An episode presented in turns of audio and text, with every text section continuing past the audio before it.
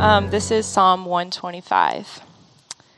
Those who trust in the Lord are like Mount Zion, which cannot be moved but abides forever. As the mountains surround Jerusalem, so the Lord surrounds his people from this time forth and forevermore. For the scepter of wickedness shall not rest on the land allotted to the righteous, lest the righteous stretch out their hands to do wrong.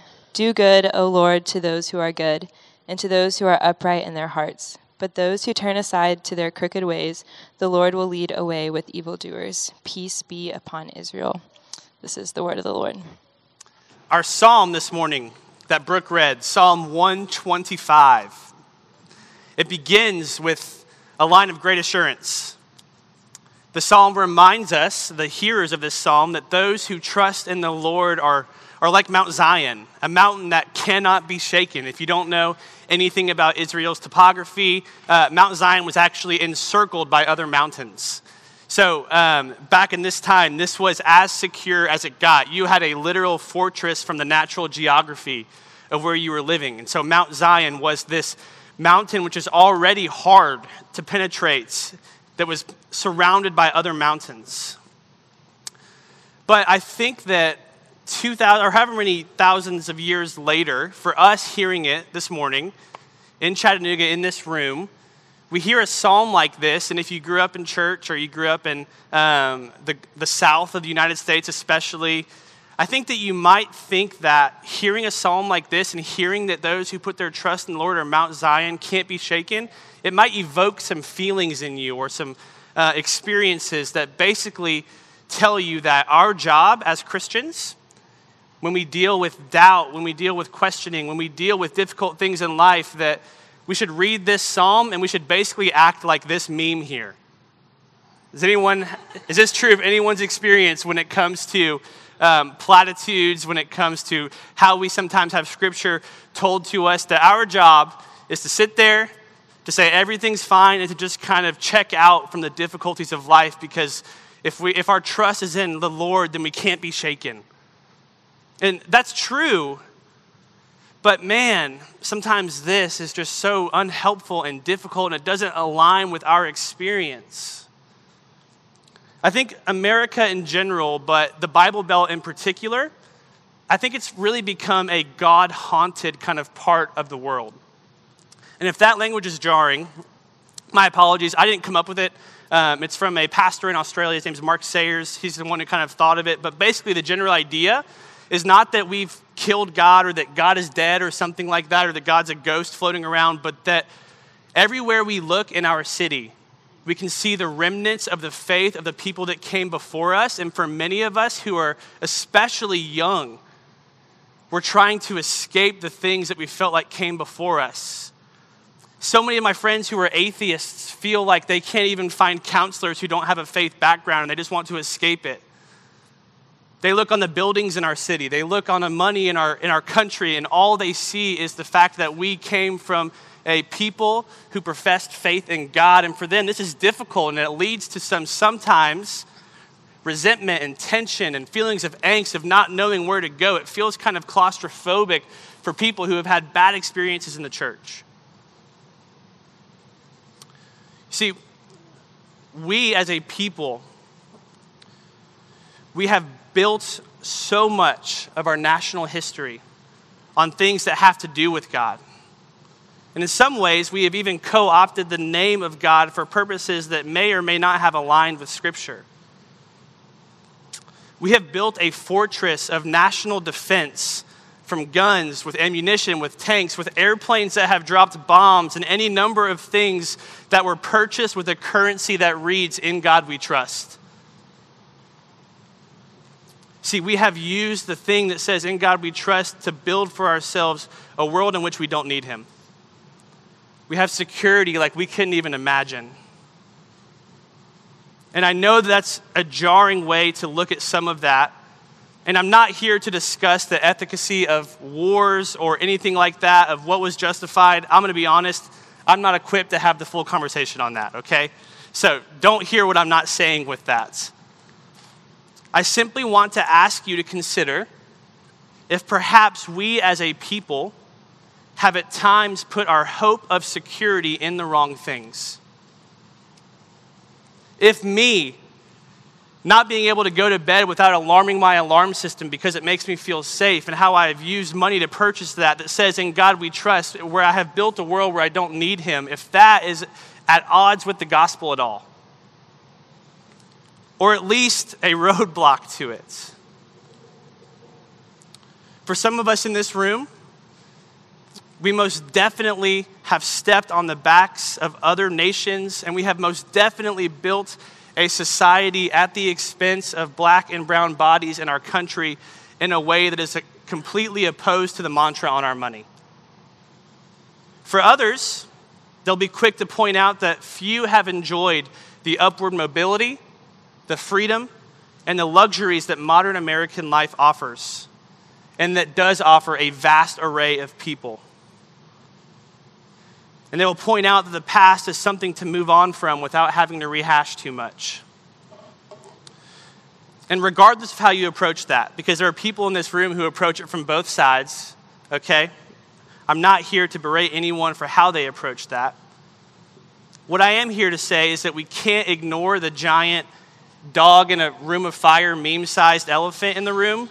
That for the majority of us, we will read this psalm and we'll feel like our job as Christians is to be that dog. To sit there, to drink our coffee, to say everything's fine because the Bible says so, and then to hope that the inevitable destruction of the room we're sitting in doesn't consume us. So we have to white knuckle our way to being good, faithful disciples who don't doubt and who trust the security of the Lord. And it makes me wonder is this really what this psalmist was after? Was the psalmist after a group of people just trying really, really hard to suppress and push down their doubts? To say, the Lord is my security, and that's the end of the story? Is this psalm inspired by the Spirit of God for God's people to be read across a broader perspective of languages and cultures than we could have ever imagined? Is this what it is telling us to do? At the risk of making the rest of this teaching boring, um, I don't think so. um, I know I just resolved all the tension, but I don't think it is. You see, I think there is a beautiful truth for us today. Even those of us today who live in a society that is as haunted by God as ours. See, I think there's a beautiful truth that we can glean from the Israelite people together. But to do that, we have to ask what did this psalm mean to this group of pilgrims? Because this was a psalm of ascent. They sang it three times a year as they marched up to Jerusalem for their feasts. And so every single year, three times a year, they would sing, Those who put their trust in the Lord are like Mount Zion and cannot be shaken. What did they feel and what did they think as they sang about the Lord God surrounding them? as they sang and cried out, Peace be to Israel, what was that like for them? Well, we can't ask them directly. I wish we could make my life a lot easier, but we can look at their history and we can make some educated guesses. And this is a difficult process, right? Because for many of us, the Old Testament can be a lot like watching the movie Inception. I don't know if y'all have seen this or if you know what I'm talking about but for most of us in here, and it's okay, I'm not going to ask you to raise your hands. For most of us in here, we saw that movie and we were like, what just happened? Right? Like, this is a dream. What, where's the dream start? Where does it end? Like, am I going to dream? What's happening? But we all have that friend who's like, oh, no, no, no, no, no. The minute you get it, best movie in the world. And so all of a sudden we're like, I'm not dumb. I don't want to be dumb. You're right. That movie's awesome, right? And so we stop asking the questions that we need to to understand it, and we start agreeing with our friends who say it's good and saying it's good based off of their experience of it, right? And so for a lot of us, this is kind of like how the Old Testament is. We have those friends who have put in a lot of deep work and they tell us it's amazing and beautiful and it paints this beautiful mosaic of Israel's history. But for a lot of us in here, it's just really confusing. And we don't want to look dumb or not let our friends know that we don't understand it as well as they think we do, right? And so we just end up saying, yeah, it's good. Love it. All based off of someone else's experience. And this isn't to minimize how much work we do have to do to understand the Old Testament well. There's millions of intricacies, okay? Last time I checked, um, the majority of us didn't speak Hebrew, right? That is one, just one barrier, not to mention that the original Hebrew didn't even have vowels. So you had all these people go back and, like, if you don't know this about the language, it's crazy. They had all these people go back and add lines and dots above and below the letters because they didn't have vowels originally. So, like, Yahweh would be like YHWH. And so someone was like, yeah, I think an A and an E would go here. And they just added it afterwards. It's, it's insane, right? So, this is a difficult text. But I do think that we can uncover some things and learn some things from the broad picture of the Old Testament that will help inform how we understand Psalm 125 today. The first thing I want to point out, this is just from the totality of the Old Testament, it's that Israel had a jagged history. When we describe the history of the people of Israel, when author Eugene Peterson describes it, he wrote the book A Long Obedience in the Same Direction, which is um, a fantastic guide for these Psalms of Ascents. If you haven't read it or picked it up, I would totally recommend it. But he said that they had a sawtoothed history. If you've never used a saw, um, or you don't know what a saw looks like, their teeth go up and down and up and down and up and down. And this is very much what the history of the people of Israel was like in the Old Testament.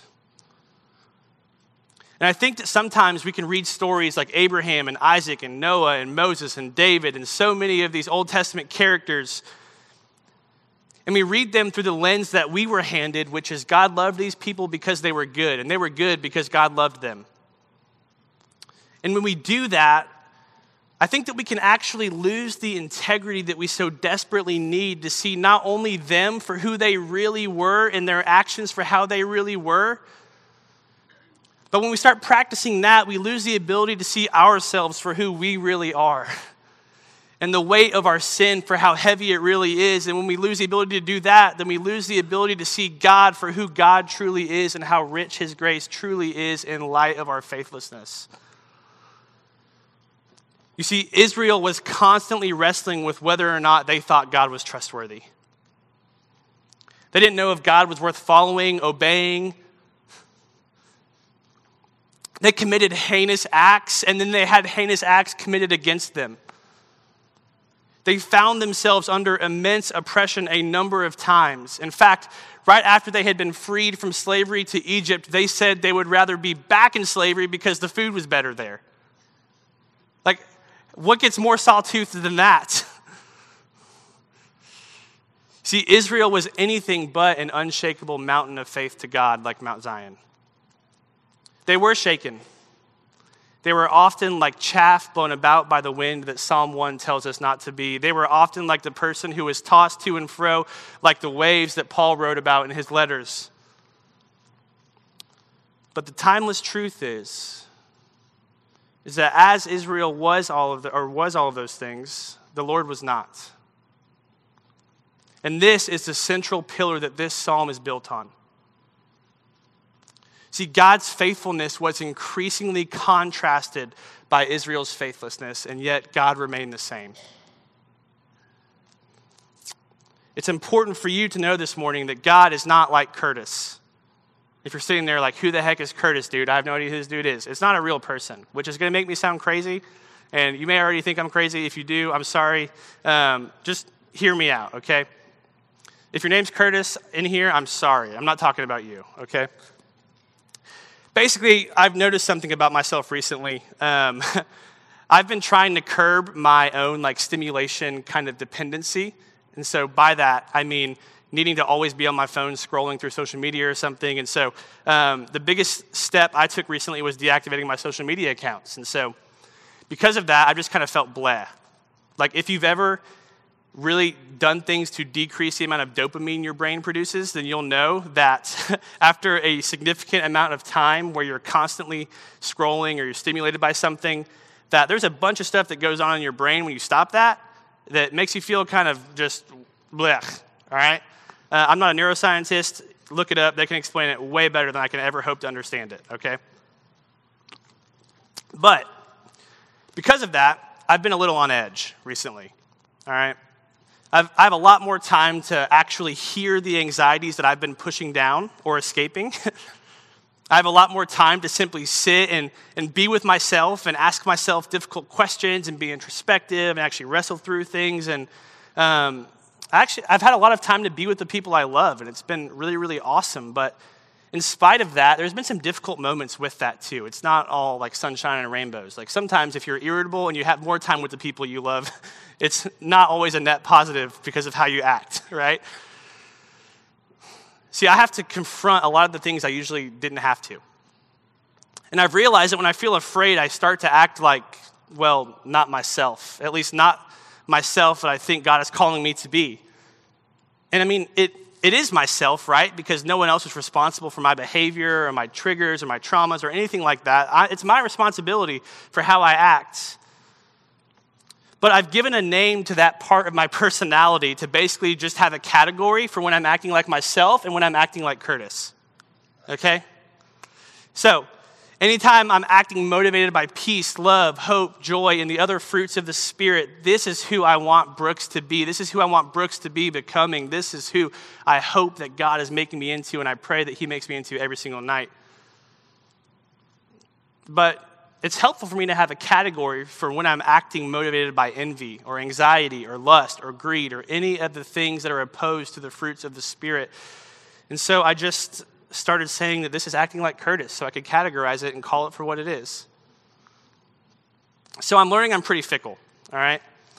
One day I'm amazed at God's presence and the wonderful support and love of the people around me and how I have the best friends in the world and everything's awesome. Then something as mundane as my food taking too long happens, and I wonder why I have no friends and I'm going to be alone forever and why, like, God has forsaken me. I'm a little bit temperamental and a little bit melodramatic. And when I contrast that with God's faithfulness, it's terrifying. See, we're on this journey of learning to love God, to live in community, and to do it all for the sake of a city. And to love God with other people as we are formed into people of love together means that we have to trust the most delicate parts of our souls to people who may have their own Curtis. See, what happens if you place a delicate part of your soul in the hands of someone who, honestly, all it takes for them to lose it is for the episode of Shark Tank they were expecting to be delayed? That's what happens to me. The truth of this is that God isn't like that. God is like Mount Zion, even when we're not. God is unshakable and steadfast to his covenant to be with his people no matter what. See, it's easy to see this faithfulness in God when Israel is marching through the Red Sea. When God is parting the waves but we often don't think about what it must take of someone's character to not be a reactionary Curtis when the people who you just marched through the Red Sea start engaging in some revelry at the base of a mountain. You see, it is in Israel's lowest moments that we see the greatest character of God's faithfulness. But we have to honestly read the text and then honestly look in the mirror afterwards. Because when we do that, we are comforted by the truth that our hope is placed in God's ability to hold on to us far more than our ability to hold on to God. You see, by honestly looking at Israel's past, it allows us to learn from their mistakes. It allows us to see and to hopefully believe that God really is that committed to us as His own chosen possession that He desires us that desperately.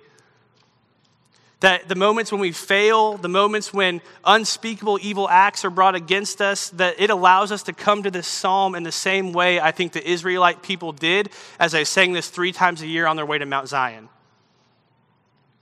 It allows us to come not with a forced smile, not with a white knuckled proclamation of, look at how little doubt I have. Everything's obviously fine because I'm refusing to acknowledge the circumstances of the room set ablaze around me. But it allows us to come to God and say, Holy Father, I know that your, unfaith- that your faithfulness is unshakable in my brain, but I need to sing these words right now because everything inside of me is terrified that they're not as true as you say they are. And as we sing it together over the course of our lifetimes, we pray that there is a moment where it feels as true as we know it to be. We know that there will come a day when the wicked are cast out, when we will be cleansed of all sin in its fullness, where we can feel deep in our beings that the Lord is good to those who do good and rejoice over that fact. But in the meantime, we sing together with the hope that has always existed with God's people. To many at various times in Israel's history, the legacy of faith that we have inherited, many would have looked at, at God's people from the outside and mocked their naivete. Sometimes Israel went to Jerusalem singing this as they were under captivity and oppression. They saying that the Lord was good, the Lord would deliver them, that the Lord would cast out the wicked as they were ruled by others and cast out from their promised land. This wasn't just a rose colored, like everything was always awesome. It's, it's February. It's Black History Month, and I think it is extremely important that we look back on the legacy of faith, particularly amongst our black brothers and sisters in our country, and try to learn where we can. And one of the clearest ways that I see the faithfulness of Israel in the history of our country is in the fact that there were literal American slaves who were handed Bibles with Exodus cut out of it.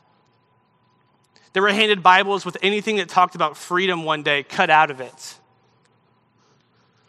They were told that they wouldn't be baptized unless they denounced their hope of freedom, and yet, despite that, they sang of their victory in Christ, their hope for redemption and freedom, and they knew that nothing done to them could violate or cancel God's good will and purpose in their lives. Eugene Peterson said, Nothing counter to God's justice has any eternity to it. And these were a people who sang it even when their experience said everything that was the opposite. And so we join in that legacy, waiting, singing our songs, and advancing the kingdom of God with total assurance that not even our own clumsiness or the clumsiness of others, not even our sin nor the sin of others, not our cynicism or, or the cynicism of others can cancel God's faithful covenant and his promise to be with us and for us. When we are driven to despair by the weight of life, we remember that though we are shaken, God's faithfulness and goodness are not. That our fragility does not surprise God. Our pain doesn't put off God. Our fear doesn't frustrate God to the point of calling us crazy and walking off like some of us have experienced in our own personal lives. Instead, God formed us. He knows the difficulty of the path we walk. And in fact, God came and walked it in Jesus and promises to walk with us along the way. God is not surprised when we stumble. In 1 Corinthians 4, Paul wrote this We have this treasure in jars of clay. We have this treasure in jars of clay to show that this all surpassing power is from God and not from us.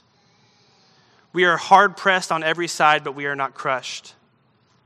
We are perplexed, but not in despair. We are persecuted, but not abandoned. We are struck down, but not destroyed.